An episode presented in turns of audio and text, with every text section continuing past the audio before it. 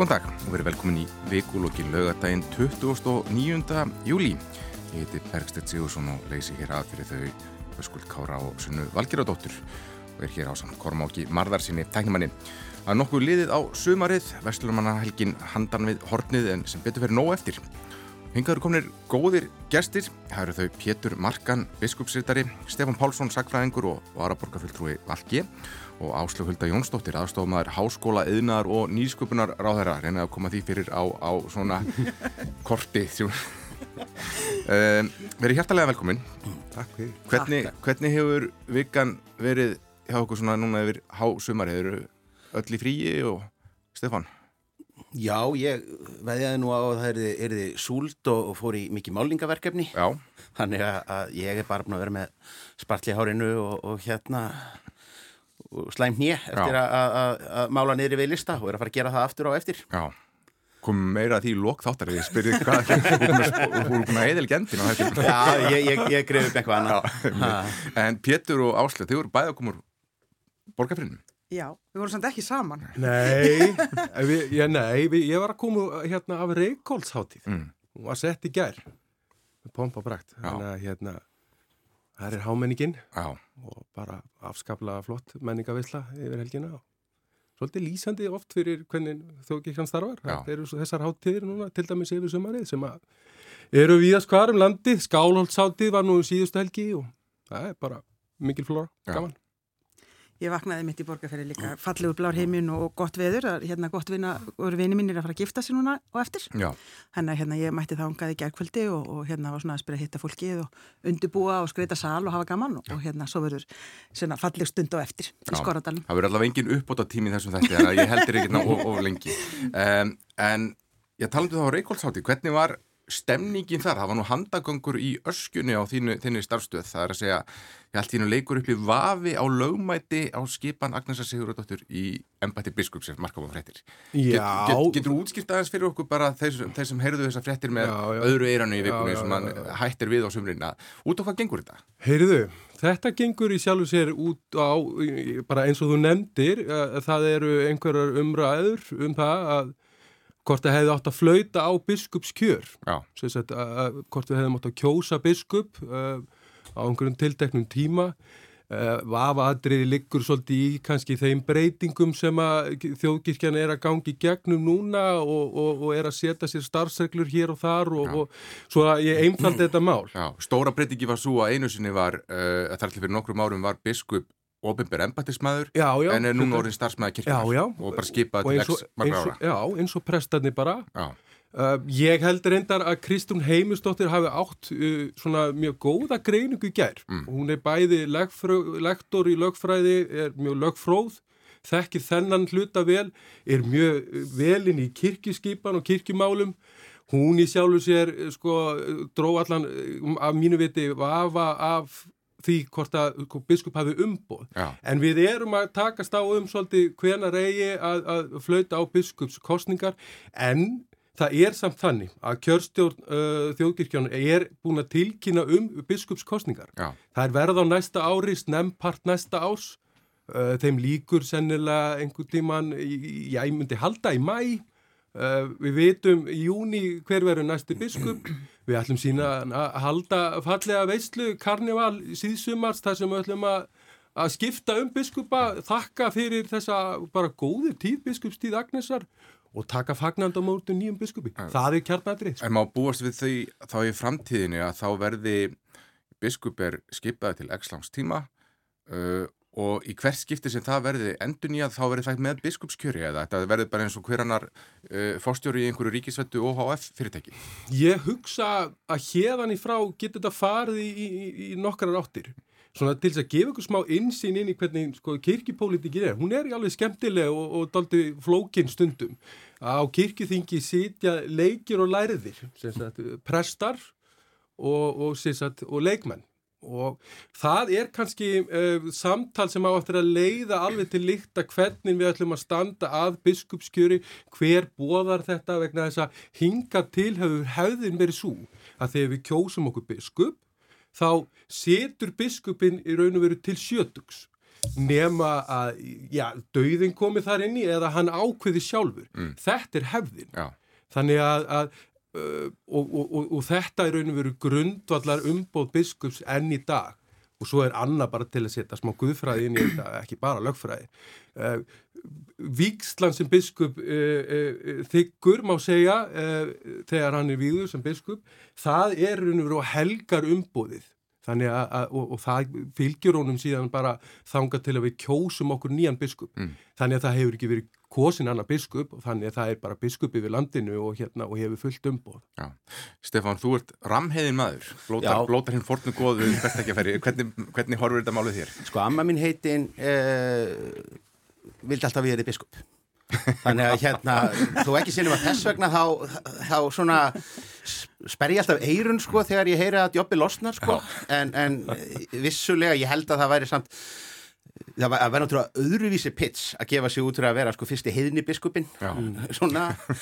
Getur samt, getur eða eitthvað. En, en hérna, nei nei e, þetta maður sá fyrst mikinn uppslátt í, í, í morgumblæðinu og, og svo reyndi maður að berja sig í, í gegnum þetta og þá ertist þetta nú svona aðlega snúast um það að, að rángur aðilega hefði skrifað undir einhvern, einhvern uh, pappír og, og þá misti maður svo sem áhugan aftur. Mm. maður bara vanur þessu einmitt að, að biskupar bara sitja fram í, fram í háa, háa elli en, en þetta breytist allt, núna, núna geta pávar farið á eftirlun Já, já, það... já, já, og það, við, við náttúrulega vorum með þá stöðu, það voru tveir páar á tímabili í, í Rómus-Katholsku kirkjunni sem er óvinnulegt, en svo má líka draga það í dagsljósi að biskupar eru víða, það er alveg sko hálgeri biskupar í stjórnmálaflokkum. Og ég myndi til dæmi segja að Stefan Pálsson sé svona ákveðin biskup í vegna þess að hann, svona, hann reynir að halda aga á réttri kennisetningu og, og svona vísi til hann stundum og, og, og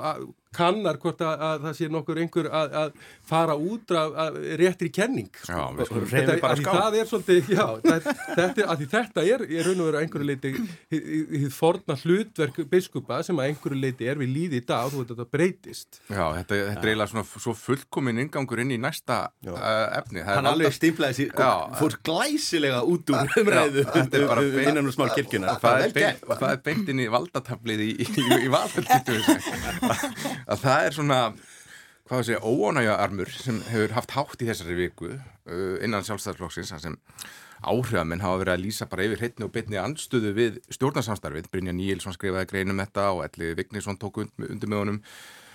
Viljónur Átnarsson og Arnar Þór Jónsson var að þingmaður hafa, hafa verið á þessari línu og fleiri uh, og inntækið er bara þetta samstarfið vafkið sér ómögulegt framsók séu bara liðileskjur og, og sjálfstæðisflokkurinn þurfa að vera meir eins og miðflokkurinn en bara ekki fara og ganga í hann sko. uh, Áslög, hversu útbreytt eru þessi viðþorf innan sjálfstæðisflokksins?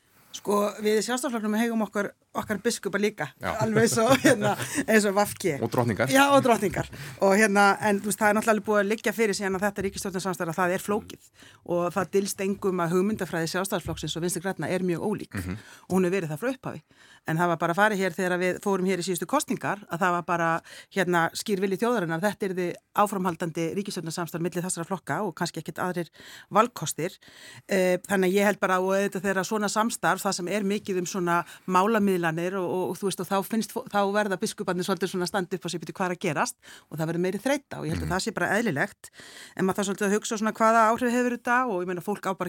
að og á að svo þegar maður kannski rýna að fannst mér áhugavert að það kom núni í vikunni og út ný skoðanakonum frá prósent þess að vera að tala um fylgiflokkana og þegar maður rínir aðeins í þær tölur þá fannst mér líka áhugavert sko að þið verður hugsað að er svo að sé allt hérna söðupunkti á sjálfstæðsflokknum þegar maður skoðar það þá sér maður að sko Uh, kjósendahópu sjálfstaflokksins sem kauðsum síðast, það er 62% af kjósendum sjálfstaflokksins sem að kjósa hann aftur, það er 53% innan framsóknarflokksins og 48% innan vinsti grefna mm. skilju þannig að þú veist það er ennþá þá staðist allavega og, og þetta fylgi sem er að fara En sjálfstæðisflokkurinn samt að fá sína að ég held bara lægstu mælingu Já, já, en staðisti og ég meina mest þessi hluti sem er að fara frá ríkistjórnarflokkanum eru ekki að fara millir ríkistjórnarflokkana heldur mm -hmm. að fara yfir í hérna stjórnarnarstöðuna sem bara þekkt sem við þekkjum þegar efnahagsástandið er eins og er í dag. Mm -hmm. en svona vonandi fyrir það lagast og hérna þannig að það er alls konar þessu, pólitíkin er skemmtileg þannig að það er ekki bara í hérna kirkjunni, það er líka. En þetta er ekki bara eina, ég snúum okkur á biskupnum hérna í Vafgi að þú skófst ekki utan að því í vikunni þegar þú talaður um Karlakórim Gráðbræður, það væri armur innan sjálfstæðarflóksins sem væri svo sturdlaður að frekju að hann væri ekki stjórntækur. Og sko Óli Björn Kárásson, hann lækaði greinin hans Brynjars og hann er formaðið þingflóksins, ég meina, týðir þetta ekki bara að flokkurinn sé óstjórntækur eða hvað? Nei, nei uh, og vel að merkja sko. Það mann aldrei neitt neitt. Þannig að hérna þess vegna er alltaf eins og núna séum við í, í fyrsta sinni þeirri, þeirri stöðu að fólk kvenki sér í, í stjórnarsamstarfi. Uh, við vorum í, í mjög góðri vinstri stjórn hérna fyrir fáeinum árum en þá voru sko vikuleg upplöp þar sem að meðlimir í, í, í báðum ríkistjórnarflokkunum fóru og, og börmuðu sér ofinberlega yfir hvað þetta væri nú erfitt og hvað það væri ílt í, í sólarbremsusnum En þetta gekk næstu í að því þú stjórn var orðin minnulutastjórn undir lokin sko. Jájá, en, en eins og ég segi en, en marg uh, bóðað fall hennar og, og hún kláraði nú samt sem áður kostningarnar ég minna við, við höfum við höfum oft séð þetta. Uh, einu sinu vorum við með ríkistjórn sem var sko sprengt í beitni útsendingu á uh, stöð 2 í kvöldröttatíma. Mm -hmm. Ég get alveg lofað ykkur því að það er engin ríkistjórn sprengt með aðsendri grein í viljafnum hjá bitni ynga í júli. Þa, það er ekki að fara að gerast. Það sem ég fannst samt aðlega bara doldið svona broslegt í þessu að kannski þessi hópur sem að er hvað mest að, að e, barma sér og er hvað, hvað auðmastur eru svona, svona miðaldra kallarnir sem að hafa sjálfur mest gaman að því að nixlast á fórnalambavæðingunni í samfélaginu og, og hvað allur þessi vókismi sé nú uh, ómögulegur og að stjórnmála menn séu nú bara uh, kveifar og, og hérna einhver, einhver nötrandi lauf í, í, í vindi og bregðast svona við. Og skilabóðin er líka svo uh, þau, þau fara svo í allar áttir. Ég, ég las Brynjar Níelsson í morgum Morgunblæðinu þar sem að, uh, hann svona kalla sérstaklega eftir því að hann, hann vil fá sko gamla sjálfstæðisflokkin sinn, sjálfstæðisflokk Ólafs Tórs mm. og, og fyrir hvað er Ólafur Tórs, hvað, hvað er hans svona legacy í, í, í stjórnmálum? Hann hann held saman nýsköpunarstjórninni með, með hérna sosialistum og, og hérna á miklum umbróta tímum Myna, og já, já. um hvað? Já, en ég held samt að sko, þetta eru menn kannski líka bara að mm. kalla svolítið á samtali um hugmyndafræði og ég held að mm. það vantist svolítið í íslenskri pólitík og kannski sérstaklega þegar ríkistjórnarsamstarfið er svona mm. að í hverjum flokki sé fólk að tala meir um hugmyndafræði og þá fer maður kannski svona að hugsa sko ef að fólk er að fara, þú veist, er að koma fram með svona er það þá að kalla eftir kostningum og hvað mm. gerist þá og hver eru er valkostirnir? Þú veist, það voru engir valkostir í síðustu kostningum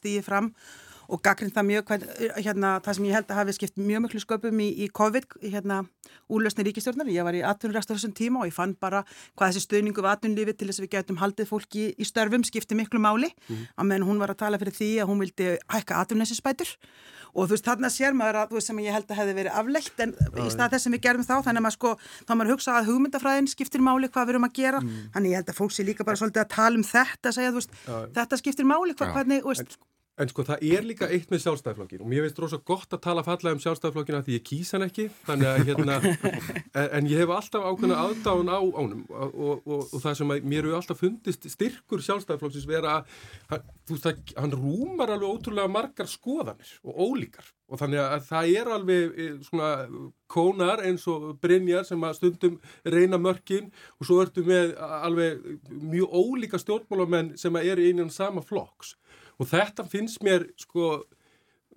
sko ef að flokkurinn heldur saman þá er þetta styrkur líka. Mm. það verður einhvern veginn að það getur líka verið mjög vong fyrir stjórnmálaflokk að verða alveg brjálaðslega einsleitir í allir umræði og ég heldur um alveg séð stjórnmálaflokk á Íslandi reynilega bara kóðna og verða engur og eru kannski að vaksa upp aftur sem slíkir. En svo er annað, mér langar einblá sko, er þetta svona ólíkir e, e, rí, ríkistjórnaflokkar þeir eru í grundvallaradurum eh, sammála í sjáurútismálum, þeir eru svona í grundvallaradurum sammála í utaríkismálum, þeir eru í grundvallaradurum sammála í landbúnaðmálum, uh, þeir eru í grundvallaradurum í sammála í stjórnarskrármáli. Bara svona, svona stór mál sem að ég geti ímynda mér að hérna að sé svolítið flókið að semja um þegar að þú ert að fara í stjórnarsamstarf.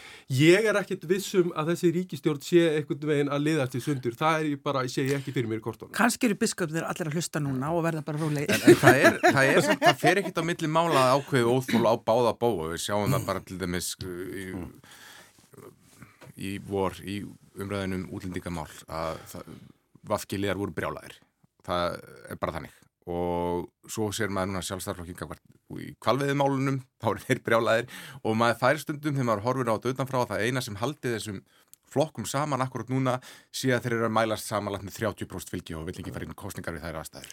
Já, það hefur mjög margt gengið vel hjá ríkistjórnum. Mm. Veist, ég meina, mér er til dæmis bara hvernig við náðum okkur úr sem heimsfaraldri COVID, gott dæmum það. Mm. það skiptir mjög mjög, það eru, það eru stór mál sem hafa gengið vel, en svo komað þessi hugmyndafræðilegu mál, svona sem getur verið stór og lítil, sem á þá finnst mér bara eðlert í, í stjórnmálum að við tökumst á. Já, og má. svo er kannski spurning hvaða valkostir er á móti, við erum sannarlega með íhjals ríkistjóri, þetta eru þrý íhjalsflokkar á mínu mitti og ég held að sé ekkit margir sem eru ósamal á því í grundvaldarætu er þetta þrý íhalsflokkar mm. Eh, hinn vangurinn þessi blokk hérna hinnum megin Pétur, svona, nennum við þessu. nennum við ég, ég, ég held að þetta sé bara að tala sínu máli en bara, ég held maður þurfa ekki að vera að berra sæðar gagvart það er sumarveður á Íslandi á, á laugatasmorti við nennum ekki að fara í þessa sko klísju hérna, stimpla hérna í, í hjálpflokkarnir þrýr og það fram eftir göttunum Nei, þú veist, alveg En hinn valkosturinn er ekki til staðar.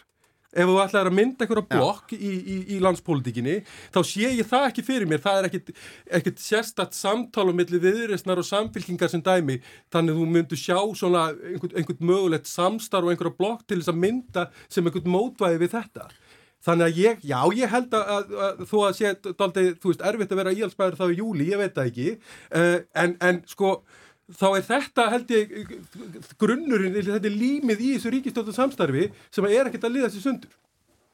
Nú er ég eiginlega búin að leysa þetta fyrir bæði.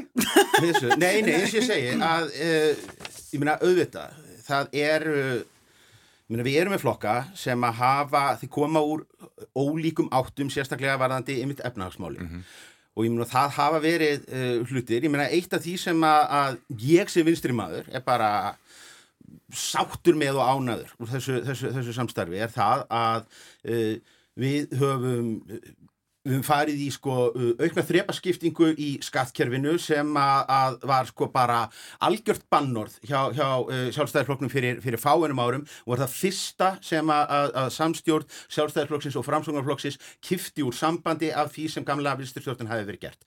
Nokkur negin uh, sama sumur skattkerfisbreytingar og vinsturstjórnin hafði endað á að framkvæma að þær eru svo innleitar en það að fjármálar á þeirra sjálfstæðarflokksins.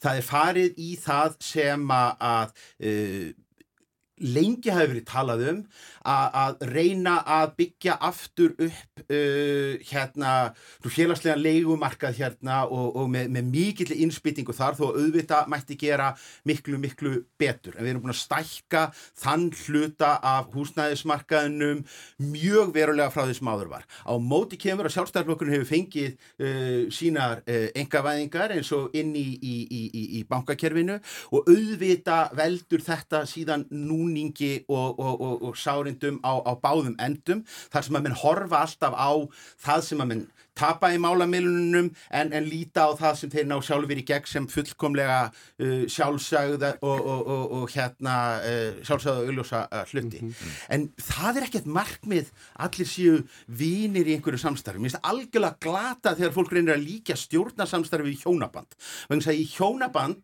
gengur með mannesku sem að þú uh, elskar og ímyndar þér allavega vegna þeim tímapunkt að þú viljir eigða æfinni með. Það er mjög vond nálgun að byrja að stjórna samstarfa á, á, á, á uh, þann hátt. Sjálfstæðarflokkurinn er svo sannarlega ekki flokkur sem ég hef hugsað mér að eigða æfinni uh, með. Jó, látt ekki svona. Þó svo að uh, síðustu sex árin hafi bara pólitíski veruleikin verið veri sá að það var raunhafasti og besti kostur mm. Sáttur? Já, en ég reyndar með hjónabandi þá er náttúrulega í sko, skilginning á ég er náttúrulega hagsmunabandalag sko. þannig að það ger ekki róma Mér finnst því smá komin svona hjónabandsar ráð Þetta er kannski bara að halda áfram einhvers staðar på höðabakka en um, sko kjörtímanbíla er hálnað mm -hmm. og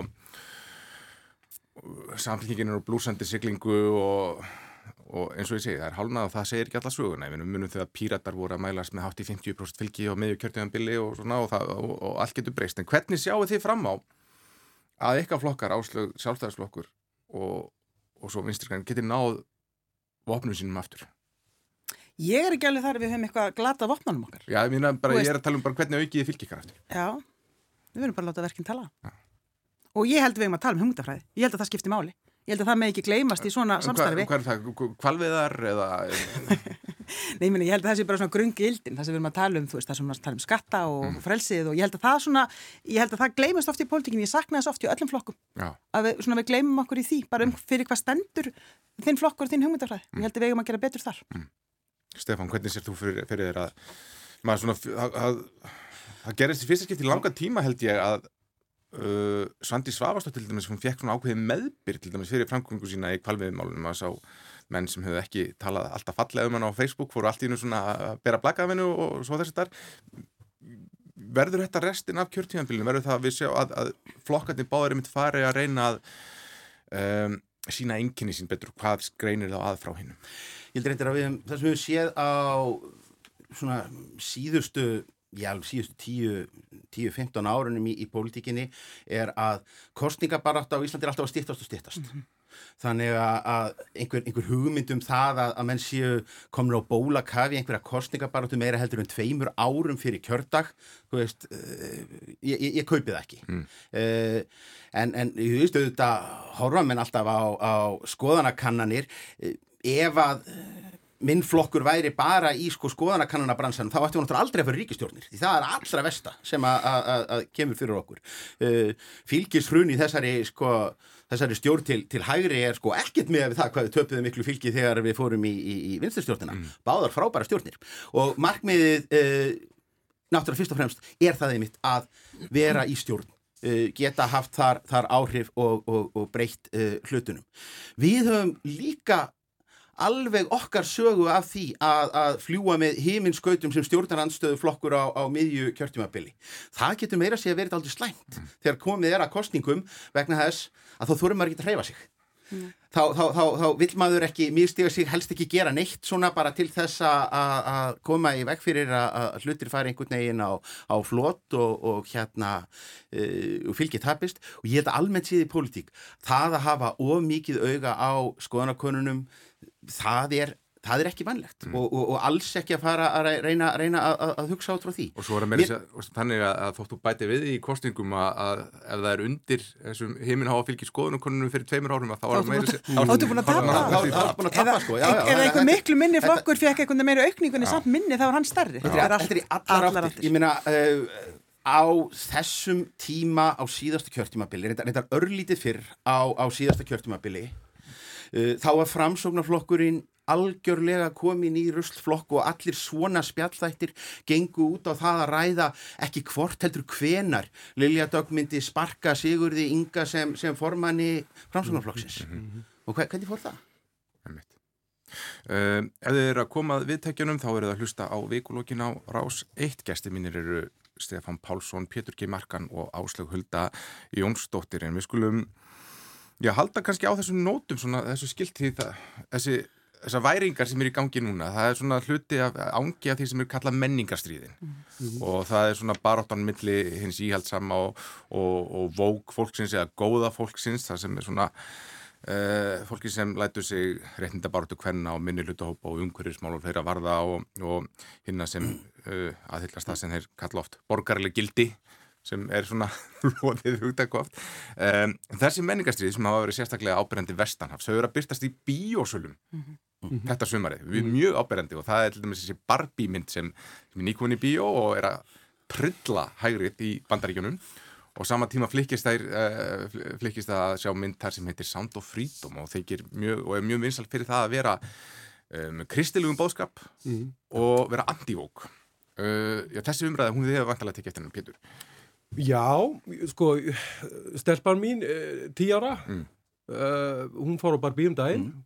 og hún var reyndar varð fyrir svona ákveðnum vombrið og var búin að byggja upp miklar vendingar en hún fannst Barbie ekki einn skemmtileg og hérna og, og, og hún svona bjóst við ég veit ekki svona kannski örlíti gerfilegri en svona hérna, ég veit ekki við hverjum bjóst svo sem sko uh, þannig að hérna uh, ég, hef svona þá tilfinningu fyrir hérna uh, Barbie myndinni en, en svo á ég reyndar fimm, lítið fimm ára skott mm. og hérna Úmaríu sem að langa mjög líka að fara á Barbie þannig að það getur vel verið að við bara rúlum saman og við sjáum þetta En hinn myndin finnst mér svona meira spennandi að hérna, ræða, kannski bara út frá mínum bakgrunni sjálfum. Sko.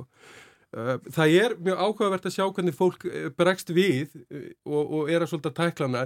Það er eins og fólki finnir svolítið óþægilegt að að svona aðal persónan talar mjög opið um, um trú Já, þetta er svo að segja alríkis lauruglumæður sem segist að það er svona lausu til þess að fara að bjarga börnum sem Já. eru höfði í, í, í svona mannsals Já. hérna ringum og, og öðru og gerir það í nafni trúar sko. Hann, er, hann, er Já, hann talar mjög fjálglega og, og það, það er svo sem verður að setja svolítið líka bakgrunn í það að aðaleikarin hefur svolítið verið eh, talsmaður svona, svona ákveðna já, svona undir ég veit ekki hvað það var að kalla, undir heima eða dull ríkis einhvers og, og svoleiðis, hann er svolítið á þessum nótum. Já, og leg Jésús Kristi í mynd, mynd Mel Gibson. Hann var sjálfur uh, Kristur í, í, í passi hérna, Mel Gibsons þannig að hérna að, að, að hann, hann er náttúrulega er svolítið gild í slaðin en það sem er áhugavert finnst mér er að fólki finnst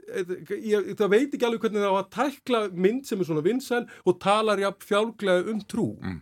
uh, og þarna kemur kannski uh, þetta sem við upplifum oft uh, sem að höfum gengið í gegnum uh, Guðfræðildinu og annað er að, er að mann finnst stundum eins og nútíminn samtíminn sem er búin að íta umræð um trú eða svolítið út á jæðarinn sérstaklega hérna. Og við hefum erfitt með að tækla hann síðan þegar hún kemur. En staðrindin er svo að, að, að trúnegð er mikill aflgjafi í samfélagunum og hefur mjög mótandi áhrif enn þann dag í dag. Ef við bara lítum inn á meiland Evrópi, ef við förum til Bandaríkjana, ef við ferum til Suður Ameríku, það heila skiptir ekki máli að trú er mjög mótandi e, í samfélagi og í félagsgerð, þannig að við þurfum að geta við tekið svona umræða á dýftina mm. ef við ætlum ekki að missa þetta úr höndunum. Mm. Því það er mjög auðvelt að missa uh, ég, ég bara trú alveg samfélag úr höndunum mm. og, og þetta verður að einhverju sem við viljum ekki sjá, byrtingamind þess sem við viljum ekki sjá mm. þess að þurfa þessi samfélag að vera ábyrg þau þurfa að vera mentuð og þau þurfa að vera uh, og geta tekið svolítið uh, djúbstæða umræðu um, já, Guðfræði og, og trú mm.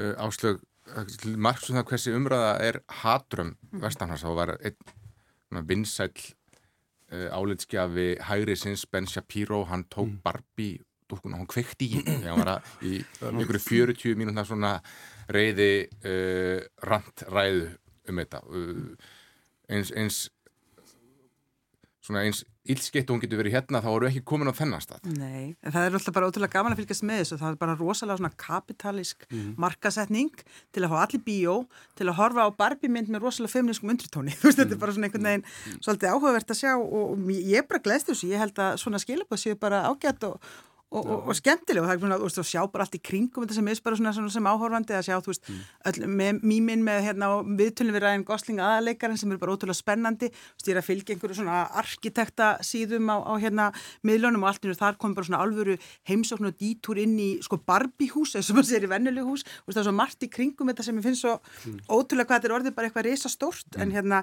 ég man nú bara þegar ég var í Kenno fyrir uh, allt og lengur síðan þá var rosa undirtótn og ég var átt að velta fyrir mig hvað að vera rosalega ég bara hvað er ég komin hérna í hérna mm. allaballana, það er allt hérna um einhverju umhverfisvitund og hérna umhverfisfræði og svo mann ég eftir umræðinu þegar allar teiknumindir, stórmyndir voru einhvern veginn um hugsa um umhverfið og það er ekki bara þetta næsta nú sem við byrjum að tala um jafnréttið í, í alls konar myndum og, og farvegi að þetta er mjög áhugaverð mm. einhvern veginn og einhvern veginn kemur svo óvænt sko. Þetta er, er, er það sigur feminismans að, að Mattelsi komum bara í liðnaðum og, og hérna frammeðið svona mynd eða er þetta dæmum það eins og gerist með Hatara sem var rosalega harður áróður gegn neysluhyggju og svo voru bara nú á Sirius-farnir að selja hatara nú á kropp og en, en það er svo stutt síðan allir bara Barbie átt að banna, þú veist, já, hún var bara eitthvað takkur en anorexíu og allt sem er vond og eitthvað svona gerfi og alls konar. Já, já. og svo allt í hún byrjaði einhvern veginn að vera Þetta, svo, þetta virkar svolítið þversanarkent Þetta er aldrei þversanarkent og að maður getur orðið líka svona reyðir yfir mynd sem að meðhandlar Barbie eins og yfirborskent plastfyrirbæri sem ég held að væri bara stæði í en hérna Ég er svolítið, ég er ekki spyrjað við hann Ég, ég, ég, hef, ég hefði haldið það eh, þannig að, hérna eh, gott og vel, ég ánaðustur með, með þann hérna sem skrifaði á Twitter að hvað svo sem sá meðl heitir í, í, í, í dag að hérna hann ætlaði að býða eftir Cindy myndinni sem kæmi síðan verið aðeins ódýrari.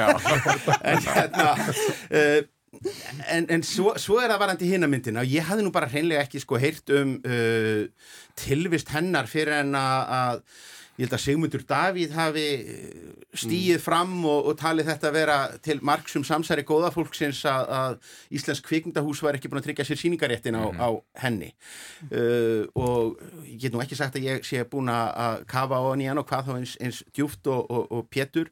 Uh, ég held að, að selja myndir nú bara íslenskum árið finnast þetta aldrei skrítið bara þegar einföldu ástæðu að ég meina við verðum öll, ég, ég held við höfum aldrei orðið jafn skjelving og lostin sem samfélag og þegar að Geir Horti endaði á að byggja sko Guða að hérna að blessa Ísland. Já, já. og hérna bara, bara það að heyra Georðið var einhvern veginn eh, nógu, nógu hérna stuðandi. Uh, en, en eins og ég segi það, það, það, er svolítið, það er svolítið áhugavert í þessu líka að ég hef alveg tekið eftir að, að ef við eigum íslenska stjórnmálamenn mm. uh, sem að nefna veist, trú og trú negð og jáfnvel bara ræða þjóðkirkjuna veist, á einhvern nátt þá finnst mér eins og sko, þeir séu svolítið að, að flokka sér sjálfa sem svolítið svona tæpa stjórnmálamenn. Ég, svona, ég hef fengið þessa tilfinningu eða sko svona og, og þetta er mjög skrítið hérna uh, mér þetta svolítið skrítin árátta hjá okkur eða skrítið óþól ég ætla bara að orða þannig, þetta er svona ákveð óþól á því að geta talað bara uh, á hefðbundin hátt um, um trú og trúneigð að því þetta er Þetta er, þetta er í sjálf þessi aðlæstu hlutur í heiminn en það er hins vegar að gerast að við erum náttúrulega að, að, að, að svolítið vika út líka veröldina þannig að fólk er að velja sér alls konar uh, siði líka mm. og annað sem er bara verða bara eðlilegt en þá einhvern veginn gerist það með einhverjum skrítnum hætti að þetta verður svona abnormal kannski það er það slettan að, að, að einhver, já, bara sem stjórnmálum að tala um þetta þá svona ha já, En eitt sem er forvittnilegt líka er það að þessi mynd Sound of Freedom sem mm. er mjög vinsæl mm. uh, erlendis í bandaríkunum fyrir það að vera trúarleg eða kristinn mm. og líka svona andvók, andivók uh, Þjóðkirkinu í Íslandi, hún er frekar vók Ég myndi halda og ég held að ég, ég get bara eh, staðhæft það þetta er frjálslindasta eh, kirkja sjálfsagt veraldar. Bara, við getum bara farið svo langt að segja það. Ef það væri til dúka biskup í Íslands í bandargjörnum þá held ég að Ben Shapiro myndi að byrja kveikja einu sko. Já, ég, sko, ég get sagt ykkur að hérna, við áttum alveg frábæra herrferð fyrir tveimur árum þegar við byggum til, eh, ég, ég kalla það Transjesu mm og mér fannst bara frábærlega velhæfnað verkefni til þess að, svolítið, að, að sína fram á að, að fólk geti átt, alls konar fólk, uh, allt fólk geti átt hlutild í Kristi ef það er trúað. Mm. Svo ég bara segja það eins og er. Uh, og Jújú, menna þetta var hörku umræð og mjög skemmtileg fyrir Guðfrænga og mjög skemmtileg nokkara vikur og bara endum í skaupinu og það er bara allt gott með það. En viðbröðun vestana svo rosalega sko það var alveg, veist, þar kom svona þetta svona bleitant hatur mm. bara uh, ofsa fengin viðbröð, þannig að mað, það er alveg hérna uh, og til þess, og þegar þú ert með samfélag sem að er þannig og garði gert, eins og til dæmis bara Vestanafs, þá þarf að yfka öfluga guðfræði og þú þarf að vera með þetta í þjóðmála umræðinu til þess að eigða þessu út. Það er ekki að þetta bara láta eins og þetta sé ekki til, sko. Hver haldi þessi ástæðan fyrir því að það hefur gerðað einhverju tilrönu til þess að flytja inn þessi menningastrýð eins og eru hérna til Íslands stjórnmáluminn hafa reynda en það, það hefur ekki saman slagkraft tótt þetta sé, uh, sé ábyrjand og tvittir og þessu þar en þegar kemur að einhverju svona það er engin flokkur náðu einhverju fjöldafylgi út á þetta eða eitthvað slíkt sko, bara er þetta eitthvað svona sem er bara í nörsunum á okkur eða bara eru við bara til dúlega sáttu hlutina bara þróuninu svo hún er og, og, og þannig er það Ég, ég held sér alltaf hættulegt að, að e, líta á einhverjar, einhverjar hérna, humdalega reyfingar sem er í gangi í, í, í útlöndum eins og þetta sé einhver sem gerist bara bara í, í hinnum löndunum mm. uh, þannig að þann, þannig afgreitu með nýmsar populískar reyfingar að skýrði að þetta var nú sérstakar aðstæður hér í þessu landi, þetta myndi aldrei geta gerst hér. Ég held sér alveg nöðsilegt að, mm. að halda uh, okkur sinni uh, en eins og segi, blessunulega hefur gengið mjög illa að flytja þessa umræðu hérna inn, það er alltaf verið samt að reyna það, það er þetta smápott mhm. aftur, mm. svo við kannski förum inn á umræðu hérna fyrir þættinum mér finnst þú alveg kvimleitt að sjá Brynja Níelsson í mokka viðtalin í morgun leggja sko likju á leið sína í að sparka í það einhvern veginn svona í að því að góða fólki væri að reyna að banna honum að kalla sig afa. Það, það, það væri nú hérna eitthvað verið að tippla á tánum hérna í kringum transfólkið og, og, og einhvað slíkt að því hann veit alveg betur þetta er, þetta er hérna, mm. það er bara verið að reyna að pota og, og, og, og sá uh, hérna í upphæfi var nú talað um það að þarna væri einhver hópur sem að vildi einmitt verða meiri svo miðflokkurinn án þess að gerast miðflokkurinn, það er ekki til bændi til þess að miðflokkurinn sé að ná neinu flugi mm. uh, ég held að uh, þetta fylgi þessi, þessi 6% sem að miðflokkurinn er að mælast með það er ekkit út af því að, að þessi umræða sem á kannski fyrst og fremst heima á ameríska Twitter sé eitthvað að ná í gegn hérna á Íslandi? Mm. það, það sem hefur kannski náðu í gegn það er þessi, þetta fjadrafólk sem varð út af kynhlutleysinu, það er að segja að það verður óskæfti kynhlutleysum orðum yfir eins og af á ömmu fyrir fólk sem er þá trans til að nota það sem tengir ekki annað. Það, og það snertir greinlega einhvern svona streng þetta er Einmitt, en þurfum við ekki bara aðeins með umbarlend og ekki bara hver að frá ákveða svona hvernig hann vil mm, lifa og hver hann er og, og þurfum við ekki bara allir að, að hérna, lifa með því. Mm. Ég held að það sé nú bara svona grunninn ágættis að hafa bara kærleikan einhvern veginn að vopna þegar við erum búin að tala svo mikið um kirkjuna hérna þessu þætti. Já, og það þarf ekki alltaf mikið, mikið fjarkveri. Uh, drjúgur, hópur af, af hérna bara vinalegum eldri mönnum jafnvel háskóla fólki og, og, og mönnum úr, úr, úr menningageranum er mjög reyðir á Facebook hjá mér og alltaf hætta á postlista hörpu af því að, að þarf að tilkynna að öll væru velkomin í, í, í húsið, aftur segja sko Ha, það, er, það er gott veður, það er, það er júli, það er lögadagur bara, brosum bara, förum að brosum bara, förum og, og, og, og förum að mála eða, eða, eða fyrir lykt rusl, að vinna lyktan á ruslun okkar. Já, já, við skulum koma kannski aðeins inn inn á það, það Við sjáum um tengingarna fyrir Já, já, ég, ég ætla að það er kannski svona þriðja bíótengingin, það er Oppenheimer myndin sem er í, í bíó núna, það sem svona, það sem maðurinn er, prómóþeifur uh, Ameríku á, á 20. öld sem stala eldunum á Guðjónum og, og, og fariði mannkinninu um, og það tengis kannski þessum lofslagsmálun líka það er svona við erum í, í þeirri stöðu núna að það skiptist á heitt og kallt í, í frettum af þeim í vikunni í byrjum vikunur þá var sett frá danskri rannsókn þessi tíði spáða ringgrás í hafinu væri að rofna sem myndi valda því að heitur sjór, hann geti hægt að streyma hinga og valda kuldakostum. Fyrstu fréttina voru bara þær að, að Ísland er því orðið svo Jan Mayen og þarnastóri og svo þegar leiðavíkuna þá talaði Antonio Guterres uh, frangotastjóri saminuð þjóðunum það að mm -hmm. við getum hægt að tala um, að, um hlínunjarðar, það er bara næra að tala um að hún sé að sjóða eða stikna og þetta eru ansi já, þetta er ekki svona rólegur þægilegt efni að ræða á, á, á sólríkum sumandi í júli sko, en, en þetta svona vakti mann vel til þetta hristi við manni. Já, en hefur ekki þið segja að Goldström hafi verið að hægja á sig síðan átjóndra eitthvað og, og hérna það verður með mælinga frá einhverjum frá aldamótu sem sína svo sé, ég man eftir ég var reyfið hérna upp í kaffun á þann að ég man eftir í tíu ára bekk, það eru 37 ár síðan það sem það verður að segja okkur frá þessu. Skilur þannig að þetta er náttúrulega eitthvað sem er að gerast en þetta er þetta hluta sem bara heldar lofslagsmálum og kólninsbúr okkar allra. Og þannig að þetta er svona eitthvað bara við erum með ákveðin heimsmarkmið og markmið sem við höfum sett okkur sem ég heldur þurfu svolítið bara að hérna Og svo er það bent á það í þessu samingi að, að á sama tíma þetta er að gerast að þá er Ísland að uh, aukalósun Einmitt, sem er agalegt. Og, og, og ef við tölum bara um þessa frétt var þetta þetta svona, gerist eftir 2 ár eða 72 ár og svo er vist bara eftir að þetta kom frá Kaupmann Hafnarháskóla held ég þá hafi fullt af vísendamennum stíði fram og sagt að þetta sé nú ekki alveg svona sko þannig að þú veist en við veitum að þessi vandi er og hann er resa stór mm. og, og hérna og við verðum, að, við verðum að gera betur sko. Það, það, það, það er svolítið skemmtileg nálgun á, á, á loftslagsumræðina sem er uh, öruglega eitthvað það mest aðkallandi og búin að vera í lengri tíma en það er mjög erfitt að hafa afgerandi áhrif á hegðunamunstur og neyslumunster, það er bara þetta þekkjum við.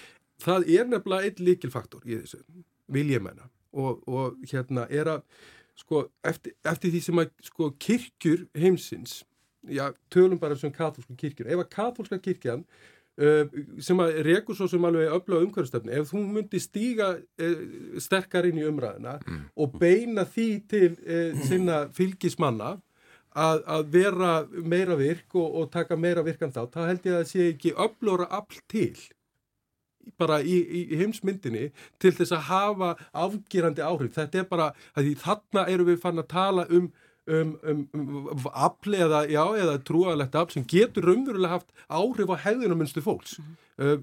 uh, Líðræðis kjörna hérna, uh, afl er náttúrulega stundum doldi, ég menna, klófið og alls konar, en þarna ertu með, ég, ég, ég nefnir þetta bara aftur þegar við vorum í, í trúar umræðan án, mm -hmm og þjóðkirkjan til dæmis er með mjög öflöðu umhverfstefnu og er alltaf verið öflöður og öflöðari á þessum vettvangi sem er mjög gott. En fer þetta ekki að koma nær okkur? Ég meina við erum núna, hérna þú veist það er í frettum hérna áðan að þú veist miklu gróðureldri Gríklandi, Já. við erum með hérna það er að segja sögur á því að það er bara haglið lágið sko handbólta á Ítalíu.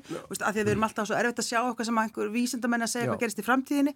En þegar þetta bara byrja að hafa áhrif á daglegt líf fólks þá kannski vaknar, vaknar kathoski, kathoski Stefán, við erum með ríkistól sem hefur metnaði fullt markmið í þessu og ætlum að kólefni slutlösa á undanöðurum og svona en það gengur ekkert í það átt, verðist þér?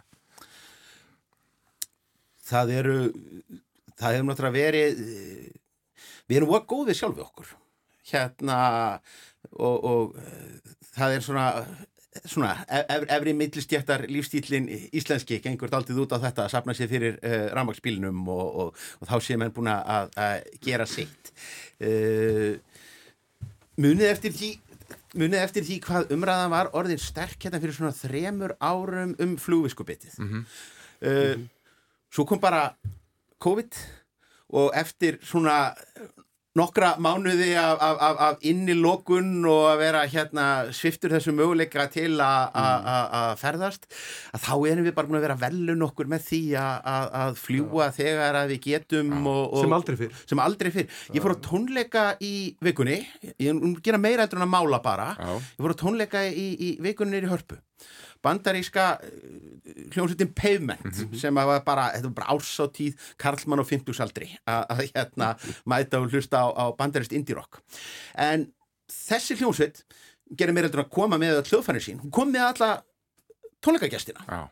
oppin af áhörvendunum í hörpu þrjúkvöldi röð voru bandaríski gestir sem að komu og flugu hingað inn með hljómsveitinni eða uh, ef við getum ekki neitað okkur um þetta þá eigum við alveg rosalega litla mjög En að því við vorum að tala um hugmyndafræðan og hún skiptir máli og þá held ég til dæmis í þessu svo mörg að skipti, ég held til dæmis að mikilvæg lekkur í þessu sé, sé hérna kvatar mm. og við höfum alls konar dæmi það er, veist, við munum hérna um hvernig var það 1990 eða eitthvað það sem við vorum bara með rosa vandraði með gósumbúðir sem voruð um allt mm -hmm. og hvað var gert? Mm. Við byggum bara til kvatakerfi sem er bara það skilagjald á gósumbúðum ef þú skilir þeim þá farið ykkur pening og ef þú gerði það ekki þá gafstu hérna, stjörnunni það eða skátunum eða kórnum og ef það fór ykkur stótt í náttun þá var ykkur sem tók þau mm. og hvað gerist í, hvað gerist í dag? 94% eða eitthvað held ég að fara í endurvinnsli af gósumbúðum og hvað gerist? Við erum hérna 20 árum setna alltaf að tala um og við erum ennþá ekki komið lengra til dæmis að búa til svona kvata all, og þetta hefur rosalega áhrif á kólminspór okkar til dæmis úrgangur. Vist, hvað eru að gera því? Þannig að mér finnst vanta í alls konust ég var einu svona hérna í plastfram endurvinnslu hérna í hveragerði og þú veist þá var bara þú veist þá voru við ennþá bara fyrir þremur árum vorum við ekki komin í íslenska lögjöf að það var hagstaðera að því það var bara að tala um fjárháslega kvata í reglugjörðum og lögum að plastu okkar var sendt til Asju það sem var brent í staðið fyrir að koma e, í endurvisli hveragerði með jarðvarma og bara umhverfisvarnista sem getur gert, þannig að plasti verður aftur plast. Þannig ég heldur þurfi líka að skoða þessu máli miklu meira svona, hvernig virkar hingrásinn og hvernig búið til kvata. Mm. Að þið verður svolítið bara að hafa enga kvata og svo að þú bara, hérna, gang, úst, og neytandin alltaf með þetta einhvern veginn í fangin og veit eitthvað hann á að gera. Ég finna ef að, ef að mjölkur ef að mjölkur fernan sko gæfi þrjálf krónur í, í, í, í skilagjald þá væri, væri þá væri engin að rýfast yfir einhverju förgun í Svíþjóð eða hvernig einhver hefur verið platað En svo eru, ég meina það eru kvatar sem uh, eru yfirvofandi og þeir hangi yfir okkur, það eru neikvæði kvatar það eru mm. kólefniskattar sem fara að skella á okkur upp á 2030, mm. þá getur við til dæmis ímyndað okkur að mannverkjagerin ef hann verður ekki umhverjusvætni, því að hann er bara ég held að hann sé ábyrgur fyrir 40% af mengun mm. á, á og þróunni þar hefur já, gengið svolítið hægt. Já, hún gengið mjög hægt að þar verður til dæmis húsnæðisverð sem við erum að tala um sér dýrt núna það getur rókið upp. Mm -hmm. og ég minna, ef við erum ekki farin að húsa þetta núna þá mm -hmm. áslög, hún horfið á því Já, nei, ég segi bara stundum þar, sko, þú veist, þetta hefur bara gengið allt og hægt hjá okkur. Mm. þannig að hvernig verða kvatarnir, sko, þú veist, og þá segir maður, þú veist, er það þá að vera ívilnanir eða hækkanir, hvernig það er en það þarf að vera eitthvað sem ítir við kerfinu mm. þannig að þróunin gerist. Og þannig að það verði einhver, einhver mm. breyting á. Og ég held að þarna sé bara mörg tækifærnu þetta er þetta rosalega strángur lagarami sem er að koma. Og þetta er bara, að ég Ástæðan fyrir því að, að losun hefur aukist innan þrjú orður er auðvitað svo að, að ferðamennur er færðin að koma enga aftur, að, að miklu leiti það. Mm -hmm. og maður hefur orðið varfið það að það er að myndast mikið ákveðu óþól getur við sagt, fólk er að fyrir taugarnar á því að geta ekki talað íslensku á veitingarstöðum og þess að það og þessi orðin, það eru komin einhver skíli í landmannalaugar sem jötna, hérna, skíla nokkið miklu eða markamöndi frettir í myndir í frettunum uh, og, og þess að það og fólki fyrir að tala um herru við um að fara að fækka ferðamennum og fá bara fólk sem borgar meira á þess að er hvernig, hvernig horfur þetta við, við ykkur er, er, er, að vera eitthvað vatnaskili eða er þetta bara svona mm. hvað kvapp? Ég, ég, sko Ég, þetta horfið þannig við mér að, að, að ég, sko, einhverju leiti er þetta ung atunugrein. Bara, það, það er ekkert mm. að horfa á það öðruvís en þetta sé ung atunugrein þó hún hafi vaksið með, með, með, svona, með tröll auknum hætti uh, síðustu ár og, og þið sjáu hvað við erum fljóta ná okkur eftir COVID, það er alveg ótrúlegt bara sem dæmi um það að, að ég átti nú bara samtal við, við, við fórsás með snorrastofu í, í gær sko, að það er metár hjá þeim núna mm. til dæmis uh, og, og það, þá sjáu þið hvað við erum fljóta að jafna okkur eftir COVID. Mér finnst stundum eins og sem bara samfélag við um svolítið eftir að mynd okkur einhvern, einhvern samfélagsáttmála um þessa atvinnugrein og líka bara hvaða, hvaða tekjustofna raunverulega við erum að fá. Uh, þannig að, að, að ég held að það sé, sé líka ég held að þetta er uh, stór umra ég fann það svolítið þegar ég var sveitastóri fyrir vestan að hérna að þegar allt í hennu komið skemmtifæraskip alveg bara 2-3 þúsund manna samfélag sem bara einhvern veginn allt í hennu bara löðustu akkeri maður og komu. Að það var alveg heilmikil uh, svona speiklun hjá íbúðum bara, þú veist hver eru við sko, mm. hérna eru við bara, eru við hérna svona props bara hérna fyrir, fyrir ferðarmenn sem eru að koma og, og skoða okkur og, og, og hvað getur við gert til þess að auka, að búa til einhverja tekjur og hérna, og það, svo bara, svo ég segi það, svo umræða bara er ennþá í gangi og ekki búið, við raun og ekki komið neitt sérstaklega langt. Og þetta er alveg þrjú, eins og ég segi, 2000 manns kannski, 3000 manns sem að koma. Og hvað verða mikla tekjur eftir hjá okkur Nákvæmlega. þegar þau koma, hvað eru það neitt á landi? Hvernig skemmtir þess að skipir að koma engar þú veist bara varandi mengun og, og, mm -hmm. og losun og ég veit að það verða skoða þetta og herða þetta einhver staðar sko en þá þýr ekki heldur á raukinu eins og ég hef einhver staðar við að segja já en me mesta mengun verður sko út á ballarháfnu þegar það sykla milli, Býtu, það skiptir einhver máli, þetta er allt saman nöttur hérna sko, að það þarf svolítið að en, hérna, ramma þetta betur inn. En það sem ég samt upplifi að sko bara sko svona megin e, e, svona þemað í þessu, hvað mig varðar er að mér finnst ferðamenn auðga menninguna Uh, mér finnst, ég sjá bara mun á, á matar hérna, og veitingaflórunni. Uh, sko, og talandum út á landi Já. þar sem að kannski var einhvern tíman e, svona einn nettur hambúrgarastæður er kannski bara komin hérna þrýr, fjóri veitingastæðir, þetta er bara ferðarþjónustan, þetta er menning sem að skiptir rosa mikið og dýfkar samfélagið. Eigur lífs, lífskeið. Eigur nefnilega alveg ótrúlega lífskeið og svo bara finn ég, ég ætla að deila því líka með ykkur ég, sko, ég hef búið í sjö ár í samfélagi sem var svona 200 manna samfélagi í Þorpi og hérna og þegar ég fluttið ángað stórgóðslegt samfélag sko, en það var alltaf verið að tala um þess að einstöku kyrð Veginn, og, og, og náttúruna sem var veginn, algjörlega hérna, á heimsmæli hverða veginn, og allt stóð heima mm. -hmm. en það sem ég lærið á þessum sjö árum er að mesta auðlindir er maðurinn ja. og bara fullt af fólki í, en það þarf líka að stýra því og stjórna og við þurfum að taka alls konar óþægilega umræð en mesta auðlindjarðar er maðurinn. Ég bara fullir það þegar maður er búin að taka svona ár. Mm. Þetta, Stefan, það hvað eru tíu ár síðan eða hvað sem umræðinu náttúrupassa var í gangi og, og fjall flötu. Við höfum aldrei náðu að koma okkur almennilega saman um hvernig við ætlum að hámarka... Já, já, svo, svo kom tímabilið þar sem að, að uh, það var bara frétt á hverjum einasta degi um, um almenningssalerna mál mm -hmm. á, á, á þjóðveginum og hvort þetta væri, væri bara óleysanlegur vandi, gufaði gufa svo umræðans upp. Ég er svona aðeins með þetta í kollinu bara því ég, ég, var, ég var í fríi bara um daginn. Fór til Finnlands og Íslands var, var í Helsingi og í, í, í Tallinn. Eftir að hafa verið í, í miðbænum í Tallinn við erum ekki með neina ferðamannasúpu. Þa, það, það var svona í rauninni daldið áreiti eins og að vera bara í, kringlunni á, á, á Þorlagsmessu sífælt, Indisle borg og, og það allt saman.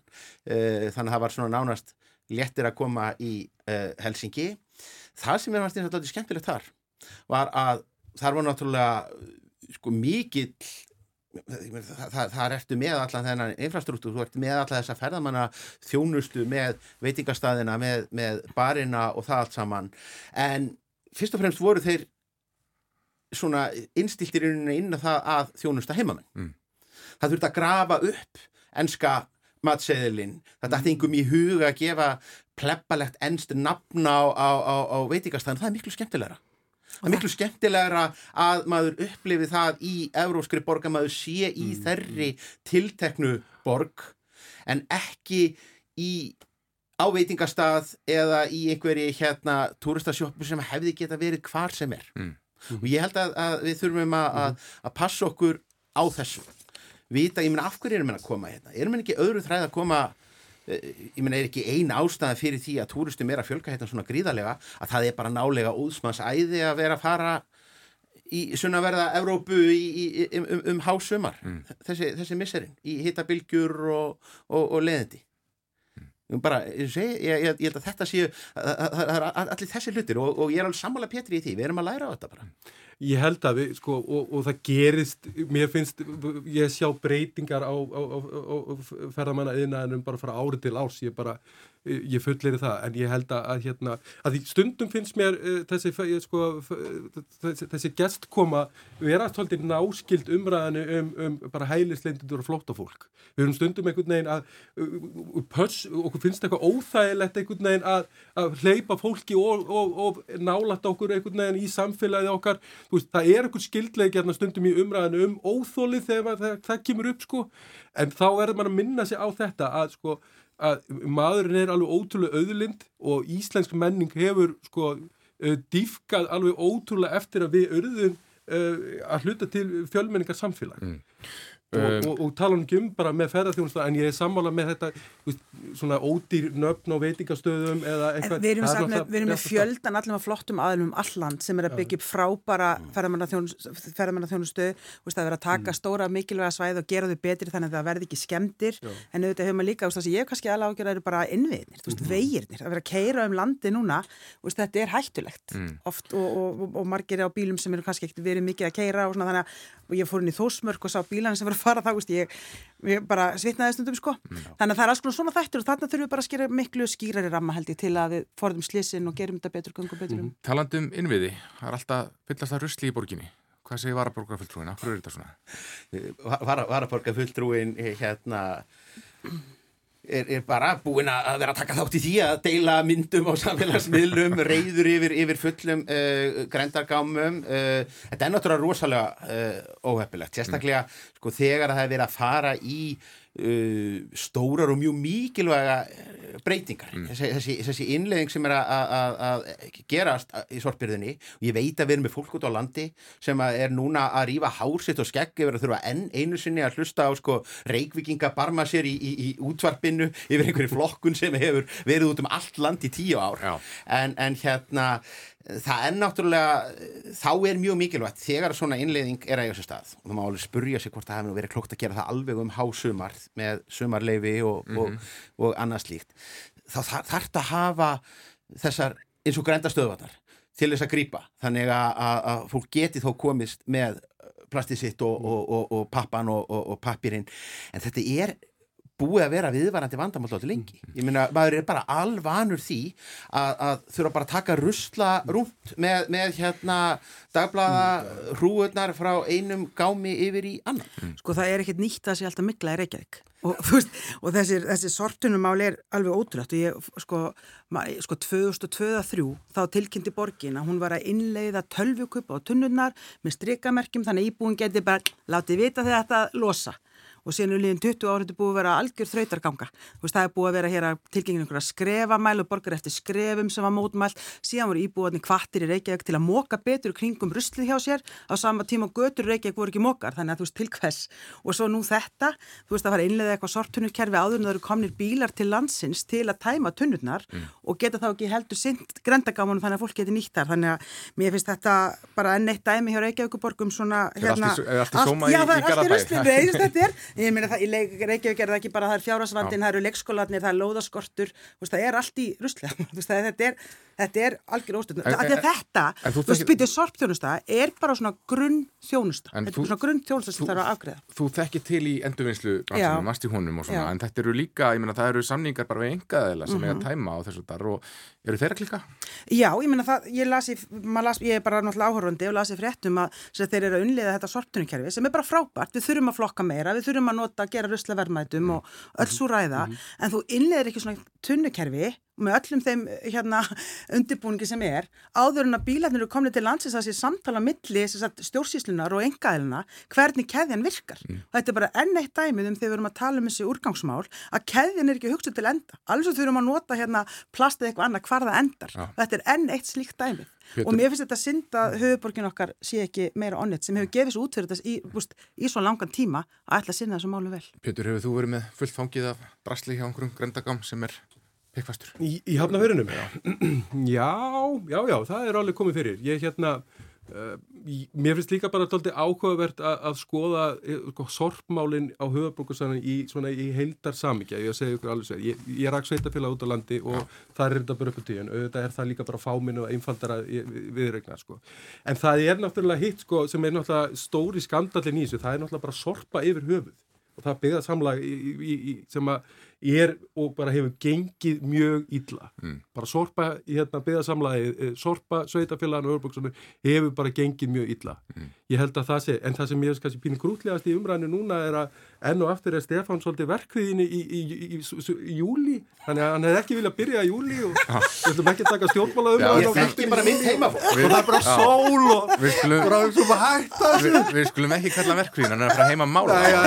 Við komumst að því í byrjun þáttar hvað það er að gera. Þú ert að fara í brúkup, Stefán er að mála og ja, byrju hvað það þú gera? Heyrðu, það er bara helgi framöndan tengdamamma mín á Amali þannig að það er bara veistla í, í, í tjölskyldinni og svo bara er of heitt í Evropu þannig að hérna, við erum bara að ferast innanlands. Frábært, takk kærlega fyrir komuna Stefán Pálsson, Pétur Markan og Áslug Hulda Jónsdóttir. Við erum sæl.